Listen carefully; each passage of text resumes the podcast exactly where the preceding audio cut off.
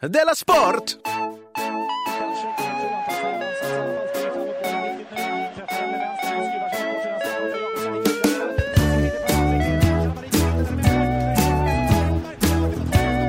Du lyssnar på Della Sport. Ska vi om vi går in och det gör det. Och då säger jag välkomna till Della Sport, eh, vilket är en del av podden eh, Della Mond. Stämmer detta? Det stämmer bra. Det stämmer bra. Det är ju, du eh, förklarade för mig så himla bra senast att det är ju inte krångligt. Det är tvärtom väldigt, väldigt lätt att förstå. Ja, det är superlätt. Ja. Eh, jag heter Jonathan eh, Unge, kallad Fuck Up, och med mig har jag Simon Chippen Svensson. Nej, nej, Enligt nej, schemat. Nej, ja, precis. Enligt Men i person K. Svensson. Ja, precis. Eh, Simon, eh, bara några timmar innan sändning så sa han att nu, nu kan inte jag vara med. Och Detta, inte han, var, då? han var okej med att vi pratade om detta, va? Ja, Jag har för mig att, att, att vi fick tala om det så länge vi inte hade en tråkig attityd. Eh, men han har varit väldigt, jag tror att han har varit lite kritisk mot vår attityd mot han, när han inte varit med. Ja, det har han. Ja, Det har han sagt både i person och i text. Ja, precis, för det, det har inte ens legat i subtexten, det har varit det, har varit det han skrivit till Nej, oss. nej. Att jag har tycker inte om behövt. ert sätt att prata om mig när jag inte är med. Nej, man behöver inte ta den texten och sen sitta och läsa mellan raderna eller lämna in den till någon sorts Men jag- jag kan ex- expert på metaforer och sånt. Jag kan fatta Simon, för att jag har hört någon gång när du och Simon pratat om mig när jag inte varit med. Ja, Och det är så himla, dels är det lögnerna, ja. sen är det faktafelen man inte kan gå in och rätta. Nej. Jag, jag kommer ihåg en gång när ni pratade om mig att jag var en sån himla idiot för att jag hade haft med mig caset att PK-subban hade ett roligt namn. Ja, just det. Att ni hade minsann vetat att han hette PK-subban i månader, men tyckte att ah, Det är lite, lite för fina för att göra det. Det var en förlåt hängande eh, frukt. Och så blev vi Exakt. så himla sårade att alla blev så jätteglada. Bara. Jo, Tyckte men- det var det roligaste de hade hört, det smartaste. Och, och åter där, vilken, vilket grävjobb han har gjort.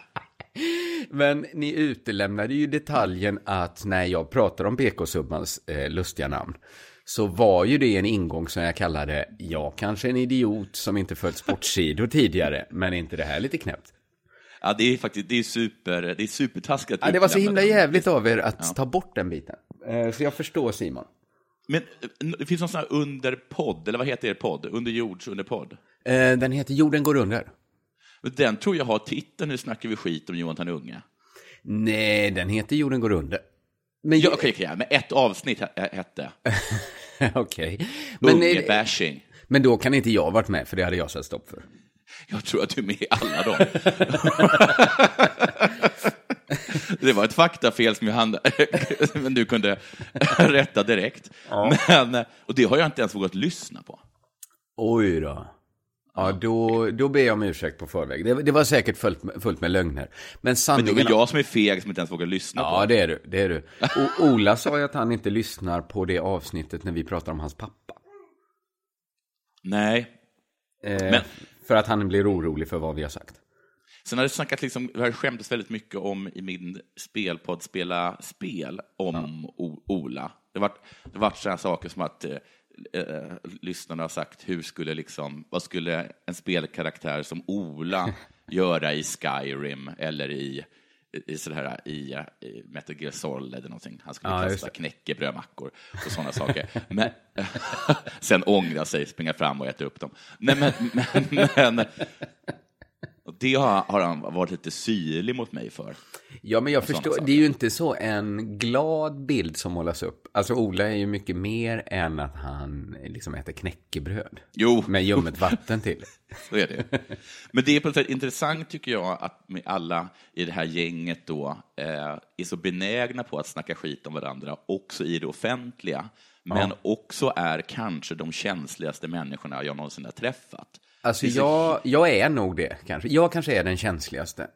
Jag har liksom nerver på utsidan så, att, så mycket så att de nästan flyter ovanför kroppen på mig. Ja, men det var som att ni stack strumpstickor rakt in i hjärnan på mig när ni sa att Eh, När ni kritiserar mina PK-subban-case. Men det är så himla fel att sådana själar liksom är i den här branschen eller gör så här då. Ja, Men är det inte att alla är liksom Kapten Klänning? jo, All- kanske. Alla provis- ja, så, så är det. Men sanningen om Simon då är ju att han är på sjukhus. Just det. Han är på sjukhus. Och ska få ett till, eh, ett, ett, ett till barn, hans, hans nummer två. Eh, Först då är eh, lyckan riktigt stor när man hör trampet av små, små skor. Eh, Det tror jag vi alla är, är medvetna om. Eh, Och vi säger såklart grattis till det. Gud vad kul. Det ska bli spännande att se vad han kommer heta. Ja, det är spännande. Jag har hört en del, eh, vad ska vi säga, hårresande förslag. Ja, som jag förstår så har hans, eh, hans eh, flickvän då föreslagit saker som Erik, Lars, eh, Stefan och han har föreslagit eh, Archibald den andra, eh, vad heter det, Jorell eh, Ja, jo, precis. och sådana saker. Men nu, nu, du vet att det kan bli ett av dem du sa nu och skrattade. Ja, men jag skrattade ju uppmuntrande. Ja, ja, det var så det var. Mm. Mm.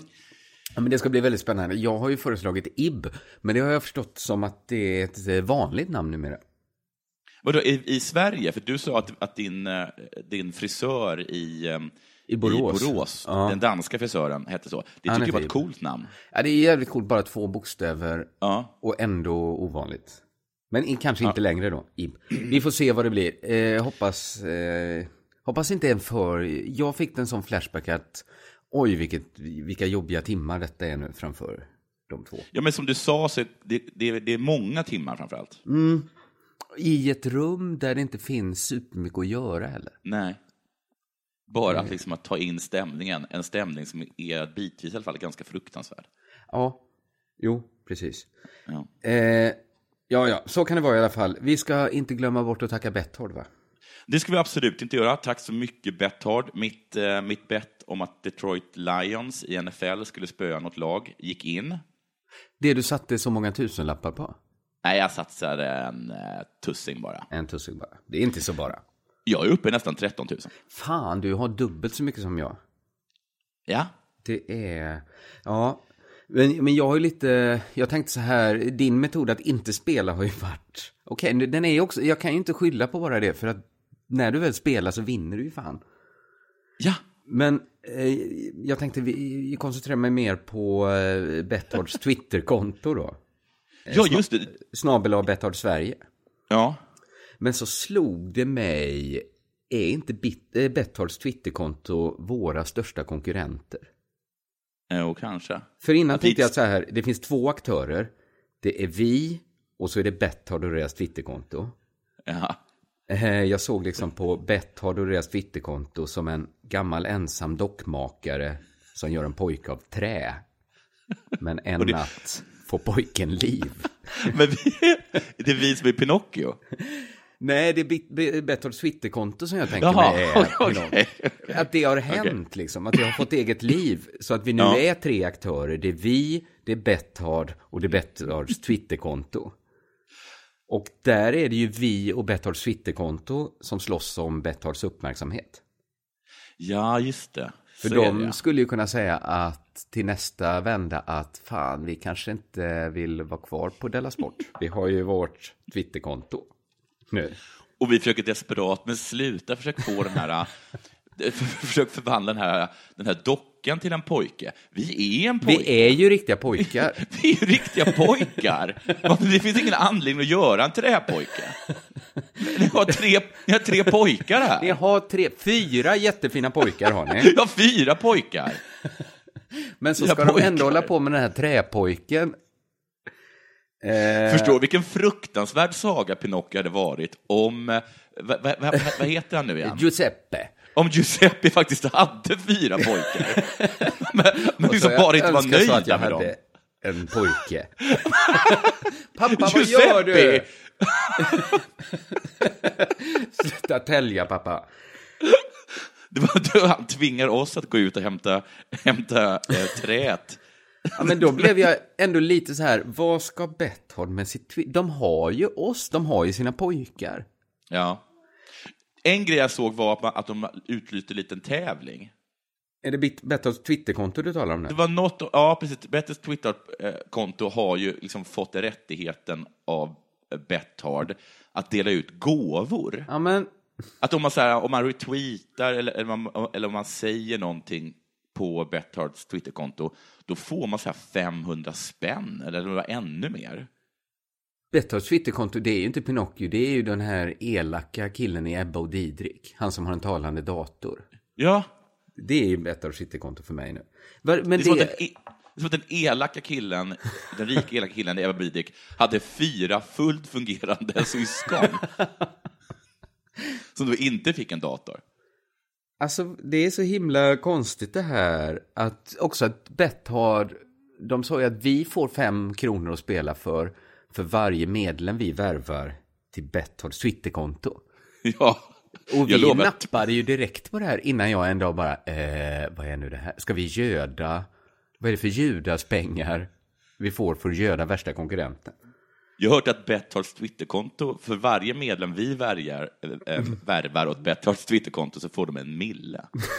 Det är så jävla hemskt det här.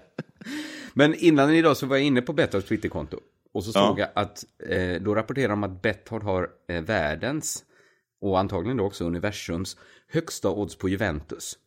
Så då tänkte jag, det här blir liksom sista testet om om jag ska välja att bryta med Bethards Twitterkonto. Ja, inte Betthard självklart, men med Eh, Twitterkonto. Självklart inte Betthard. Men jag gick in och satte en tusenlapp på Juve borta mot eh, Genoa. Okej, bra. Så jag tänker använda det bettet. Dels så vinner jag ju en del stålar om det går Mm. in. För de har ju ganska bra odds på, på Juventus. Eller världens bästa helt enkelt. Eh, men också så bli, får det bli en indikator om det är dags att bryta med Bethards Twitterkonto. Eller om vi kan fortsätta samarbeta. Ja, jag har gjort ett bett som jag eh, gjorde precis nu, som kommer innebära om jag kommer bryta med Betthard eller inte. Oj, det är starkt. För jag har satsat på en, en tussing på att Singapore i en fotbollslandskamp ska spöa Indonesien. Jaha, om Indonesien vinner så avbryter du sponsorsamarbetet med Betthard. Ja, för att jag satsar ju då på att Du har inte Singapore... alls de befogenheterna vill jag. Jag river kontraktet. Men vad heter det? För att Singapore är liksom skyhöga favoriter mot Indonesien. Så du hade inte, du, det var riktiga Simon-odds då, eller? Ja, alltså verkligen. Alltså, jag tror att det är så här, man får 1,68 tillbaka på, på Singapore och 4,50 på om Indonesien sk- skulle ha vunnit. Ja, jag och då fattar. menar jag, hur vet ni det, Betthard? Hur? Det var, det var ett kaxigt satt odds. Jag tänker att Singapore och Indonesien är att det är en 50-50 match. Ja, det känns ju som inget av lagen känns som en så här pålitlig leverantör av fotbollsmål, va? Man har aldrig ens vetat om att de spelar fotboll och det här är liksom en vänskapsmatch, gissar jag. Men varför satsar du på Singapore då? För att de hade lägst odds. Ja, okej. Eller högst. Jag har aldrig riktigt förstått hur det fungerar. Nej, nej. Jag får tillbaka minst pengar på dem. Så därför satsar du på dem. Ja. Ja. Det... Okej, så det är, det är en, stor, en stor vecka för eh, både Bethards eh, Twitterkonto och uh, Bethard. Ja, det är Lycka jävligt till! mycket som står på spel nu, men... Lycka eh, till, Bethard! Vinnare vågar mer, som Betthard själva brukar Ja. säga. Du, Ja. ehm, vad har hänt sen sist? Jo, men eh, inte supermycket, men jag lyssnade på Dela Arte förra veckan. Eh, Alltså vårt eller Arte, alltså eller vårt och Simons kultur- eller Arte? Ja, det som Simon och du gjorde va, förra veckan? Ja. Inte det du och jag gjorde, för det, det är lite too much att lyssna på sin egen. Men, men då tog Simon upp att vår konkurrent, DN Kultur, Mm. har, har en ny grej eh, som man skulle kunna kalla En tjej tittar på tv och sen berättar hon vad hon har sett. Ja. Det är då eh, Greta Thurfjell som fått det uppdraget. Och jag tycker att i den här genren så är hon överlägsen. Ja, men bra. Bra där, K. För nästan... Alltså, man, måste ändå, man måste ändå döma genre i sin genre. Ja, precis. För vad det är liksom. Ja. Och även, är det inte det folk varit mest trötta på? Att journalister alltid ska lägga in sin egen tolkning, en analys, försök att koppla någonting till, till ett större sammanhang. Eller kanske ännu värre, försöka skämta till det. Aldrig, Jo. aldrig att Greta Thurfjell gör det här. Det Nej. är rakt upp och ner vad hon har sett på tv. Jag, jag kommer ihåg att, man bru- brukade, att det brukade vara liksom eh, något man höll högt av att eh, journalisten i fråga aldrig syntes i text eller Nej, reportage. precis. Men sen kom väl den här liksom eh, subjektiva journalistiken. Och då skulle Ja. all... Och jag förstår, men bo, det måste väl finnas både objektiv och subjektiv journalistik. Det här skulle jag säga är objektiv journalistik när den är så bäst. Att bara titta på tv-program och sen berätta exakt vad man sett. Nu har hon sett på Late Night with Seth Meyers. Och det här är vad hon såg. Ja. I sin pratshow Late Night with Seth Meyers har Seth Meyers själv ofta ironiserat kring Donald Trumps förehavande under presidentvalskampanjen. När han i tisdagens avsnitt tog upp en aktuell Trump-händelse var publiken för första gången mer tveksam än dubbelvikt av skratt. Det är liksom... Eh, det, det är liksom inte något så här, vad kan det här bero på, är det en tendens vi ser, utan det är bara, det är ett skämt som inte gick så bra. Nej, hon läste av publiken helt eh, riktigt. och precis vad vem som helst eh, som såg programmet såg liksom. Det är inte genom några jobbiga filter. Det är liksom att eh, Ivana Trumps dotter har fått en golfklubba av den japanska premiärministern Shinzo Abe. Och det var en Ja. väldigt fin golfklubba liksom för 35 000 kronor. En mobbande auktoritär som i hemlighet träffar utländska ledare och mottar gåvor av guld. Inom en månad har väl Trump odlat Saddam Hussein-mustasch, kommenterade Seth Meyers mötet. Publiken verkade tveksam till skämtet och bara spridda skratt hördes i lokalen. Strax efteråt fann han tillbaka dem med ett skämt om Trumps frisyr. Punkt. Tar han tillbaka, ja, han tar tillbaka publiken. Han vann tillbaka publiken. Precis. Det är... Han hade ett skämt i sitt tv-program som inte riktigt flög. Vi fick Nej. höra skämtet. Sen drog han ett som funkar bättre om eh, Trumps hår. Och det är exakt vad Greta Thurfjell såg på tv. Det är inget annat. Det är helt rakt. Det är så TT. Hon kanske borde jobba på TT egentligen. Det, det, så det är väl det som hänt mig sen sist. Jag har, jag har läst DN Kultur. Det var, det var så snack om någon sorts robot som hade bestämt, alltså, eller förut eh, spånat eh, om, eh, siat om att eh, Trump skulle vinna. Ja. En sorts algoritm liksom som hade läst av eh, sociala medier på något sätt. Ja, Men att den ansågs då vara mer pålitlig för att den hade liksom inga egna känslor i frågan. Nej, just det. Den var liksom bara, den, var verkligen ett, eh, ett vitt ark, liksom ett tomt ark när, när den tittade på, på, på, på, sin, på sin omvärld. Tabula rasa. Ja, lite det. så kan man väl Lite säga så att är det faktiskt. Ja, precis. För att... Det är som att hon Eh. inte har tycker eller har upplevt något eller har liksom några känslor eller tankar om saker, utan hon, eh, she calls it as eh, she sees it. Ja, precis. Ing, inget jävla skitsnack. Nej, Utan det är vad jag såg på tv. rakt upp och ner. Rakt Raka upp och ner. puckar. Ja. Så är det. Har det hänt dig någonting sen sist? Det här är alltså tredje gången jag gör eh, ett program för Delamond denna vecka. Ja, det är otroligt. Så jag kan med eh, 100% säkerhet säga att absolut ingenting har hänt sen sist.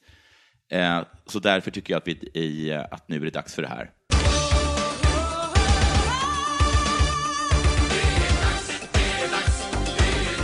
Della Sport! Gå! Ja. Så här inleddes en artikel jag såg när jag satt och slöläste lite i Expressen igår. Ja, Är du med? jag är med. EM-hjälten Lars Elstrup slängde av sig kläderna, sprang in på planen och ställde sig på huvudet. Oj, jag vet inte ens vilken sport det här kan vara. Nej, det är fotboll, men jag kan säga att det där var en, eh, en, eh, en första mening som fick mig. Ja, verkligen. Verkligen. Vem exakt är det och varför tänkte jag direkt. Ja. Direkt tänkte jag det. Han sprang Och in här- naken och ställde sig på huvudet. På mitt på planen, på fotbollsplanen, under en, en, en dansk är- fotbollsmatch. Det är också modigt för att det är ju inte den ställningen man är som vackrast i när man är naken, tänker jag. När man står på huvudet. Nej, Nej. så det är modigt på många sätt. Mm. Och denna Lars eh, Elstrup är tydligen en av hjältarna från Danmarks EM-guldlag i fotboll 1992. Oh, men är det han som, den flippige som har spårat helt, ja? Ja, precis. Ja, du känner till det här? Jag kä- känner till den här mannen. Ja, men vad han imponerande. Jag hade Ja. ingen aning om det var. Det är nog att han är galning. Ja, just det. Han gjorde bland annat ett viktigt mål i gruppspelsmatchen mot Frankrike. Men nu är det ju 2016. Och i augusti i år så togs alltså en naken man in på planen i samband med matchen mellan Randers och Silkeborg i danska superligan, sprang in i mittcirkeln och ställde sig på huvudet utan en tråd på kroppen. Och då visade det sig lite senare att det var just denna Lars Elstrup. Och det hintas lite eh, i artikeln om att det, är, det här inte är Lars eh, första upptåg. Nej, så har Nej. jag förstått det också att han är... Mm. Precis. Och i en Aftonbladet-artikel av Erik Niva från 2007 så görs det, eh, precis som du sa då, jävligt klart. Ja, ja. Ja, efter det här EM-guldet då så förändras livet för många av eh, lagets spelare, alltså det här landslagets spelare. De blir nationalhjältar, något, något, något otroligt. En del byter till större klubbar, vissa blir utlandsproffs. Men, men även, även Lars gör då en del förändringar. Så är det ju. Ja, ja, ja. Ja, han gör slut med sin sambo, tar avstånd från sin familj och sina vänner, säljer sina ägodelar, sä- säger upp sin lägenhet. Han, han, han bor i en hyreslägenhet ändå. Men han, säger han upp sitt gamla hyreskontrakt för att köpa liksom en bättre villa? Nej, han flyttar in hos den religiösa sekten Solens hjärte. Solens Hjärte. Hjärta? Hjärta, ja, alltså. okej, hjärta alltså. Mm. Och det är tydligen en dansk förgrening av, av den buddhistiskt inspirerade Wild Goose Company. Jag googlade självklart Wild Goose Company, Mm. hittade absolut ingenting. det var så himla konstigt att det bara nämndes i förbifarten. Och så Men- har jag verkligen googlat på det, hittade inte, inte något hittade jag. Wow, men är inte det det mest så här eh, flumasiatiska man kan tänka sig en kopia utan original? Jo, verkligen. Alltså, verkligen. Det det, är det rätta Tau. Jag hittade liksom bara att det fanns massa saker som var Wild Goose. Öl, eh, någon, någon sorts betongfirma, eh, sprit, eh, jacka, massa Wild Goose. Hittade ingenting om något, eh, något som var buddhistiskt. Hur, och jag såg kanske liksom att det var något tempel, ah, skitsamma. Eh, efter det, eh, att han gör allt det här, så hörs, eh, hör man ingenting från eh, Lars då, förrän sommaren 1994 då han grips av, eller greps av polisen efter att ha blottat sig på en gågata i Köpenhamn. Ja, okej, här börjar ju ett mönster framträda. Visst gör det? Ja. Dock heter han inte Lars Elstrup längre, utan har tagit sig namnet Darando, vilket betyder floden som rinner ut i havet. Oj, det är kort ord för ett så lång... Jag, börjar, jag tror att, jag tror inte det betyder det. Nej. Nej. Jag vill, Men- inte, jag vill inte, jag vill inte vad heter det, pissa på Lars Elstrups parad. Jag har himla svårt att dar, tro att Darando betyder det. Jag Det tror att så- någon har sagt att det gör det. Det kanske var det någon skulle ha sagt när han, de här åren mellan 92 och kanske 98, när han var i ett sånt himla, himla flow. Bara Ja. upplevde att allt gick rätt. Att någon bara, men du, Durando, be, vad betyder det verkligen? Floden som rinner ut i havet. Att då kanske han hade stannat upp. Men viss, på vissa språk är det kanske så. Jag för mig att Özz Nujen en gång berättade för mig att så här, Ös betydde mannen som orkar gå med en kalasjnikov på ryggen över väldigt många det, snötyngda berg. Tre bokstäver på svenska då. Jag tror att Lars och Öss har blivit förda bakom ljuset. Nåja, Ja, ja. Eh, därefter så går han in i en djup depression, eh, enligt artikeln. Då. Han försöker ta livet av sig. Han ringer runt till eh, liksom, här dödshjälpskliniker Usch, eh, usch, usch. runt om i världen och, och hör av sig om de kan hjälpa till. Det är lite ett rop på hjälp, va? Eller? ja, det, alltså, jag tycker att om de droppar det i en konversation, då tycker jag att man ska dra öronen åt sig. Jag tycker säga. att de eh, som sitter i telefonsupporten där på dödshjälpklinikerna i Schweiz borde kanske ha liksom som policy att då ringer man upp, liksom säger att något är på gång väl? Eller är det Ja, men dåligt ett för sms i alla fall. Ja, man skicka att, ett, eh, vi hej, jag jobbar, flaggar dig ett, nu." jag jobbar på en dödshjälpsklinik i har hört att du känner Darando. Det är väl inte för mycket begärt. Hur som, hur som helst. Ja, hur som helst. En klinik i USA påstår då att de kan, to- kan stå Lars Eldarando till tjänst. Och Lars vill åka, men kan inte på grund av sin extrema flygrädsla. Han är rädd för att störta och dö. Och det här är ju så hjärtskärande Ja, groteskt. det är groteskt det här. Jag, Ja. all, alla skratt som sluppit ur mig under den här pratan skäms jag för. Ja, du vet, men när jag läste det, det var det som att, det var så himla konstigt, det var som att jag fick känslan av när jag ser på en, en hamster på YouTube som heter Broccoli. Jag fick den här, åh, Ja, det kanske säger mer om mig. kanske det gör. Jag fick inte riktigt samma, men, men jag kan ändå Ja. förstå. Jag avslöjade för mycket. Sen försöker han sig på en comeback som fotbollsproffs. Mm. Det går inte. Nej. Istället grips han återigen av polisen efter att, ha, efter att med rullskidor på fötterna ha stått i en cirkel av blått nylontyg och observerat förbipasserande på en gågata i centrala Odelsen. Det låter ju ändå som ett steg tillbaks till det vanliga samhället ju, om man jämför med tidigare. Precis, det där att han, att han står där i Odensen är ju inte olagligt, men det uppstår ett bråk med ett förbipasserande ungdomsgäng. Aha. De är tydligen invandrare också. Aha. Aftonbladets anmärkning, inte min. Flera, flera åtal följer, bla- bland annat ett för att han har mordhotat sina gamla vänner i Solens hjärte. Okej. Lars eh, avstår, eh, avsäger sig advokat eh, och för istället sin egen talan. Han, att han stod då med rull... att, han, att, han, ja, att han stod med rullskriss, nej, rullskidor på eh, en cirkel av blått nylontyg förklarar han så här. Eh, jag lever för att uppleva. Att jag stod på gågatan berodde på att jag ville ha hjärtekontakt. Jättekontakt. Hjärte, alltså hjärtkontakt. Hjärte. Ja, ja. Ja, ja. Jag sa inte något. Jag betraktade. Den blå tygringen symboliserar det fängelse vi alla lever i. Den begränsar den, den begränsningen och den ångesten vi känner. Jag är helt klar över vad jag gör, även om många andra säger motsatsen. Jag är inte i behov av hjälp, jag är inte knäpp. Jag tycker det var superfint sagt. Ja, alltså här, det här tycker inte jag. Jag är ju mer mot de här ungdomarna då som skulle bråka med. Varför han inte kunde få stå där med sina rullskidor. För att det här tycker jag är en bra performance. Jag är inte en superfan av performance art, Nej. men det här tycker jag, det är absolut inte sämre än någonting annat. Nej. Nej. Eller? Det är det, varför han måste göra det på, eller han får väl göra det på en gågata. I och för sig, man får Ja. väl inte åka rullskidor kanske på en gågata. Men... Ja, det vet jag ingenting om, det var en konstig invändning av dig. Men, Ja, det är verkligen en ja, det marginalanmärkning. är verkligen. Men, eh, men han, som han säger då, så sa han inte någonting, han betraktade bara. Och det, ja, hur som helst, bråket med invandrar, invandrargänget försvarar han så här. Det kallar mig sjuk och galen. Jag kallar en kille för svart apa och svart skalle, och det var han. Och, och gav honom en lusing i ansiktet. Men jag borde ha slagit hårdare. Jag,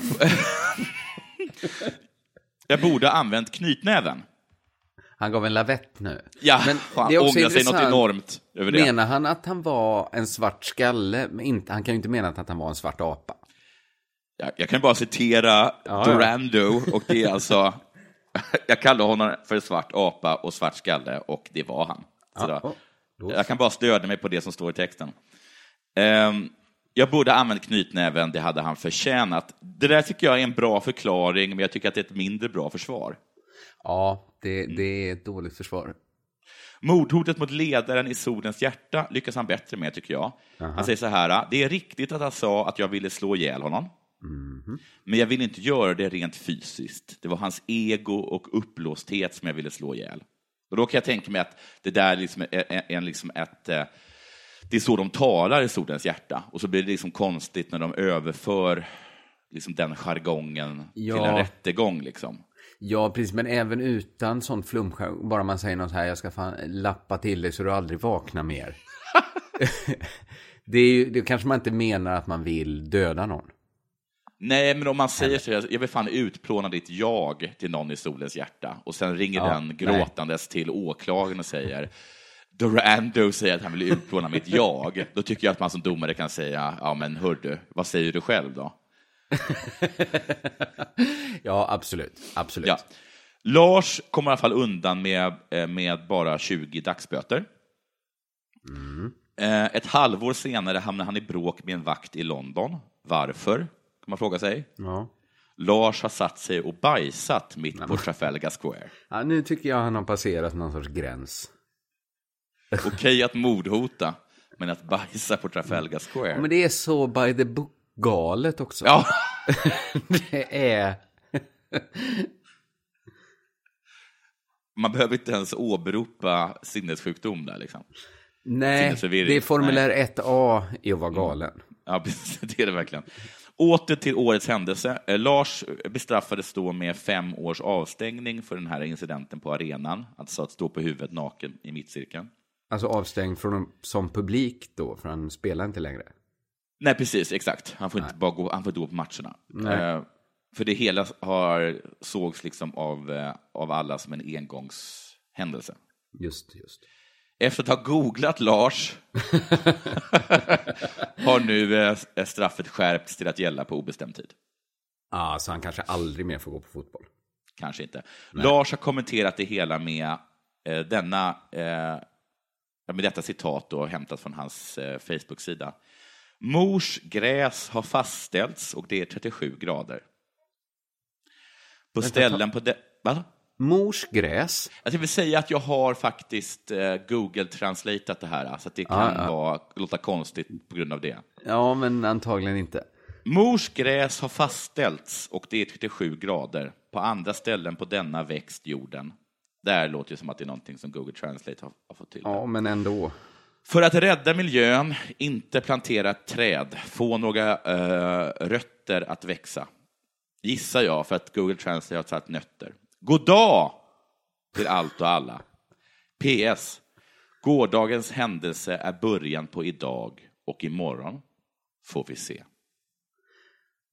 Oh. Durando, jag önskar dig lycka till. Du lyssnar på Della Sport.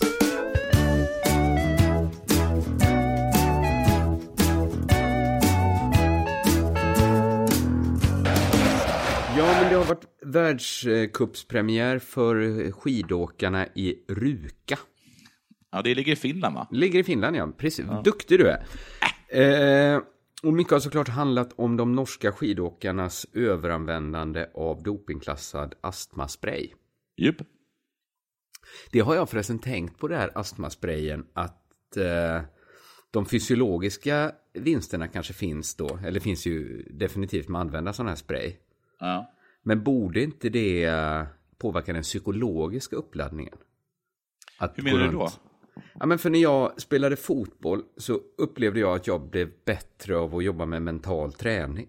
Att jag föreställde mig att jag var snabb och stark och skulle vinna.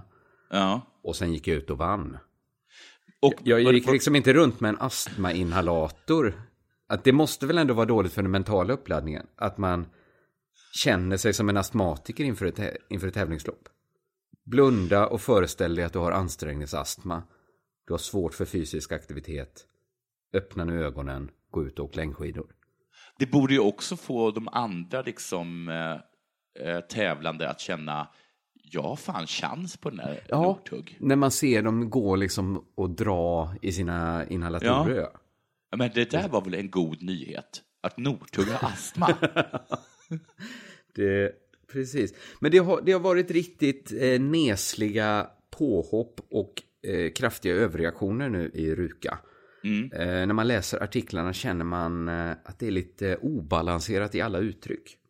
jag, jag har också läst den artikeln och jag håller med dig. Ja, vi ser. Den börjar så här. Redan när deras Valla-trailer rullade in i Ruka väcktes den första ilskan. Anledningen, den var tapetserad med en stor bild av Therese Johaug. Eh, En av många bilder, jag tror det är fyra, fem åkare som är liksom avbildade på den här trailern.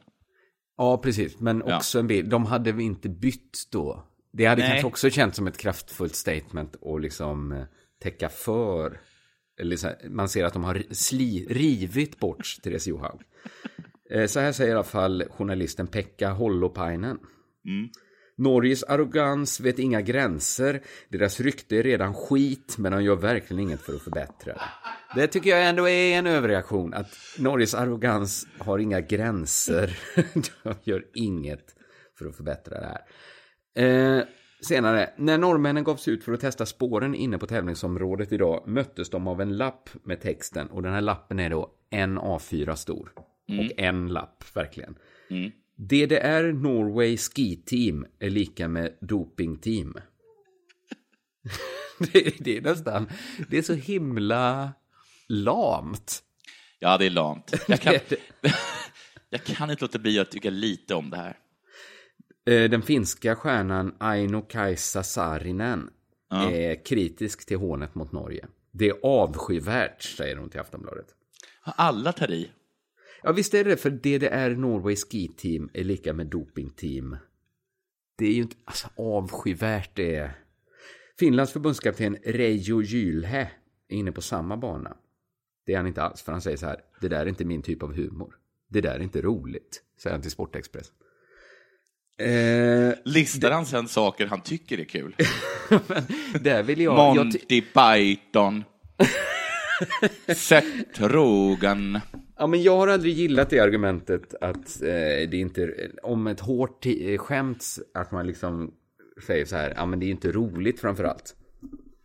Nej, Det, är väl, det är väl roligt. Det kan, eller, det kan ju vara roligt, det kanske bara att man känner att det inte är så snällt. Alltså just det här tyckte jag var, verk- alltså det, det här Det var, var ju inte roligt. Alltså det Nej. var ju inte roligt. Eller det det är Norway Ski Team är lika med Doping Team. Ja. Det, är- nej, det tycker jag inte är, det tycker jag inte är roligt. Jag gissar att det är en finne som satt upp det. Det, det tror jag definitivt är. Ja. Och det tar jag på den, eh, den konstiga engelskan. Eller är det fortfarande, har det blivit, förr var det ju ett fakta att finnar inte kunde tala engelska. Nu kanske det har blivit en fördom. Nej, det är, det, det, Det är fortfarande faktiskt. fakta. Det, det är helt sant. Men tydligen så kan i Finland, väldigt många finländare inte något språk överhuvudtaget. Liksom. De, de kan finska. Men finska ligger så fruktansvärt långt bort från alla andra språk. Men förr har Så- de väl skyllt på att de var tvungna att lära sig svenska och då inte hade plats i hjärnan för engelska också. Ja, det var ju Centrat var fullt. Men nu Nu, lär då de har de ju använt, det låter som att de har använt eh, Lars Elstrup som, som försvarsadvokat. För det, är ett, det är ett superdåligt argument. Jag tror mer på, jag talade med en finlandssvensk eh, häromdagen och hon sa att det beror på ett då att fin, eh, det finska språket ligger så långt bort från alla andra språk. Eh, och det andra är att finnar är lite blyga av sig, så de vågar inte tala med folk. Ah, ja, ja. Så de lär sig att, också lågt, ganska dåligt argument. Men ändå. Ja, det är det ju faktiskt. Det, det är det ju.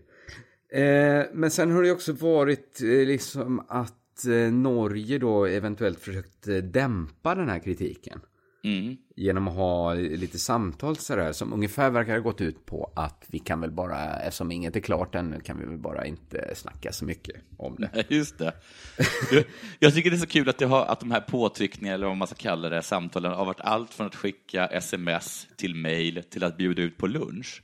Ja, men, men, men även där tycker jag reaktionen har blivit obalanserade. Om man tar till exempel den polska, jag tror hon är skidåkare, Justinia Kow- Kowalczyk. Ja. Hon sa så här, jag vet inte hur det fungerar i Norge, men i Polen får man vara öppen med sina åsikter. Där behöver man inte rätta sig efter vad folk säger ovanifrån.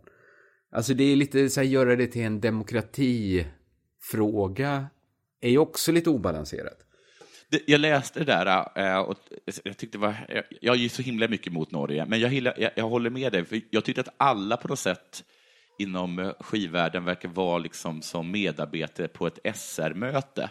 Ja, Att alla, liksom, att, alla, att alla drar, att chefen kan säga vad som helst och alla ställer sig upp och liksom åberopar de mänskliga rättigheterna. Ja, ja, exakt så. Exakt så. Yttrandefriheten då, skriker de, liksom innan Norges delegat ens hunnit liksom avsluta meningen. Samma sak med den finska veteranstjärnan Sami Jahojärvi. Mm. Han fick också den här, vi kanske inte snackar så mycket om det här. Vi är fria människor och vi får säga vad vi vill. Alla får ha sin åsikt. Om han säger sluta prata i media, då är det bara hans åsikt. Det är det ju också. Det är ju, ja, Men finns verkligen skälet där att säga vi är fria människor? Så lite, jag, jag tycker den här, det kan bli väldigt spännande det här att det, att det är så, så laddat allting. Ja, Varför är det mer laddat? Är det för att det är Norge och ingen riktigt tror att de kan dopa sig? Nej, Eller, men, jag, jag tror att man är bara helt tokig på att de är, så, de är ju så fruktansvärt bra.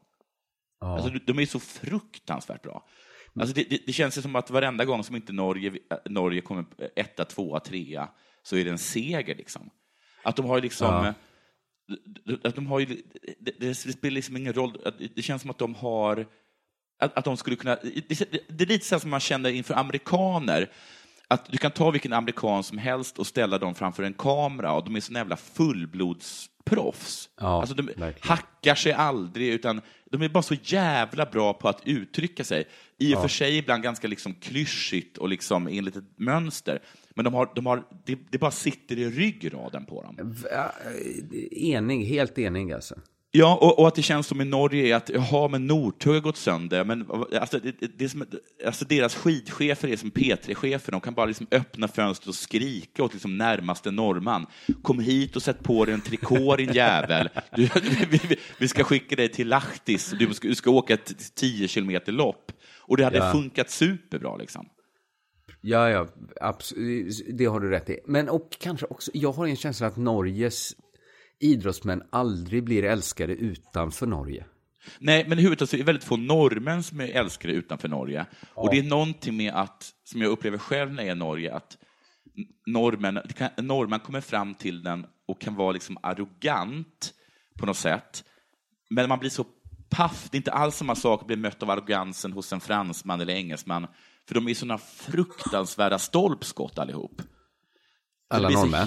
Ja, så det blir så Ja. himla konstigt att det här liksom det här mjäket kommer fram och har attityd mot det. Ja, man, ja. man blir liksom inte sur för vad de säger, utan vem det är som säger det. Ja, men det är min främsta invändning mot eh, Systembolaget. Att vi får aldrig ha liksom mjäkigare regler än Norge. Nej, nej Man precis, kan inte exakt. ge dem det liksom om alla, att de får köpa mellanöl på Ica innan klockan sex. Nej. Det, man, vill inte ge, man vill så här att man ska få köpa eh, Red Bull i Sverige men inte i Norge. Ja, så ska det vara. Ja, så ska det vara. Då är det balans. Du lyssnar på Della Sport.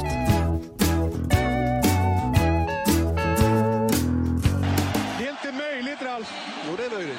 Det är inte sant. Eh, ja, jag har en kort liten grej här. Jag citerar ur en DN-artikel. Det finns många som kommer hit och är intresserade av idrott. Ja. Men det har inte detaljerna eller orden. Det är viktigt för både ungdomar och vuxna, säger Salem Sahad Aldar Sahlai. Förlåt uttal, men jag kan inte uttala svenska namn ens. Nej, nej, men eh, det tror jag ingen eh, kommer att hålla dig skyldig för att du inte Nej, det som det här vad handlar om i alla fall är att det kommer hit eh, liksom, flyktingar eller immigranter och Mm. sen har de inte orden för att kommunicera inom idrott. Passa till exempel. Ja. De inte. Då tror jag oftast att det räcker med att... Gör inte det? Ja, eller vinka. Ja, Eller vinka och ett... Då kan man inte komma fram till den och bara, på grund av din dåliga svenska så passade inte jag dig när du var helt fri med målvakten. Det kan, det kan ingen Nej. sverigedemokrat kasta i ansiktet på dem. Nej, Nej, det kan de faktiskt. Där har äh, Sverigedemokraterna inget argument de ropar passe. Och man stannar upp och säger passe. passe. Heter det väl? Och då blir man av med bollen. Och så känner man att man inte kan spela med någon som inte talar så himla dålig svenska. Nej, precis. Men låt oss säga att det här är sant. Eh, varför gör ingen något åt det? Ja, men det har folk gjort. De har gjort det genom att ge ut boken Sportsvenska för invandrare. Aha. Bakom utgivningen står Svenska Spel tillsammans med Svenska Fotbollförbundet, Handbollsförbundet, Ishockeyförbundet, Innebandyförbundet och Bandyförbundet. Bandyförbundet, snyggt jobbat grabbar. Jag älskar att ni försöker. Men det är väl många... Det var en, det var en Hail Mary, var det inte det? Det måste man älska. Det är, det är som att se en tjock kille springa, eh, den där lilla tjocka killen man ser springa, ställa upp i ett lopp. Ja. Man, man, kan inte, man kan inte låta bli att älska det. Nej, nej, herregud. Nej. Det är klart att ni ska vara med. Ja, det ska, den ska få lära ut till människor hur de ska prata om sin sport eh, och med andra utö, utövare, men också få, få folk sportintresserade. Men också få folk intresserade av sport. Ja, ja. Jag, sk- jag ska lära mig ord med hjälp av boken och kolla lite för att se vilken idrott som passar mig, säger Marilbe Rodriguez, 28 år, som är en av de första eleverna som får ta del av läroboken. Men det är ett Maril- spännande sätt att välja sport på. Ja, visst, Vilket- vilket där man kan, kan. Liksom, den språkliga terminologin bäst. Är det Den- så att bandyförbundet har lagt 100 000 mer de andra och det börjar med bandyboll? Men om det kommer en som bara jag det är... fånigt? Bandyboll. är ba, men då kan det ju vara, vissa sporter är ju så himla mycket mer, eh, liksom vilken sport man passar till är ju ofta liksom vilken kropp man har mer än vilken språkkänsla man har. Ja, precis. Han har bandyvokabuläret, men han har baseballkroppen. Precis, eller någon kommer och är kanske bara 1,25 lång. Men fattar precis basketens terminologi. Jag vet vad dank är. Att dunka. Nåja. Intressant det här ändå. Ja, hon kommer fram från Venezuela, bott i Sverige i tre år. Eh, Hon håller inte på med någon idrott, men hon vill gärna göra det. Ja. Gymmet är för tråkigt, säger de. Boken kommer hjälpa henne att ta steget hon tror. Va? Ja, boken kommer hjälpa henne att ta steget, tror hon. Jag vill gärna vara med i en idrott, men vågar inte gå och fråga. Jag tänker att jag kanske inte passar in med de andra. Jag är lite blyg, säger Marie, Marie, Marielby. Då tror inte jag att det är svenska. är det det? Nej, Det är nog mycket blygsamt. Jag tror att det är mycket blygsamt. Och, och också precis som vi varit inne på, är det något område där man inte behöver lära sig svenska på, så är det idrott. Ja, precis. Och man kan Det ju... och kanske älska. Att, tala, se- att tala sexigt inte behövs. Dansa, älska och eh, spela idrott. Ja. Där har du, där är det ju inte svenska som är huvudspråket. Jag skulle vilja säga är, är, kanske att älska, att det ger en, att det kommer förstöra invandrarnas sexliv med svenskarna om de lär sig Framförallt svenska. om de ligger och slår i en bok samtidigt. att det kommer kännas mindre spontant. Ja. Jag tycker att det är ett fint eh, initiativ. Jag tror, jag är ledsen bandyförbundet. Jag tror Ja. att ni har satsat fel den här gången också. Du, har du något mer? Nej, nu har jag inget mer. Eh, vi tackar Betthard för att de är med oss. Jag vill också göra reklam för min och Thomas Högbloms föreställning Manifesto-manifestet som spelas i Göteborg, Malmö och Stockholm i början av december. Göteborg sitter lite löst just nu för att krogen vi skulle uppträda på fick indragna utskänkningstillstånd. Jaha, okej.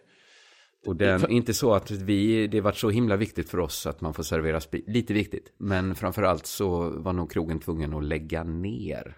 Nej, vad tråkigt. det här Bring Your Own, det, det finns inte i Sverige.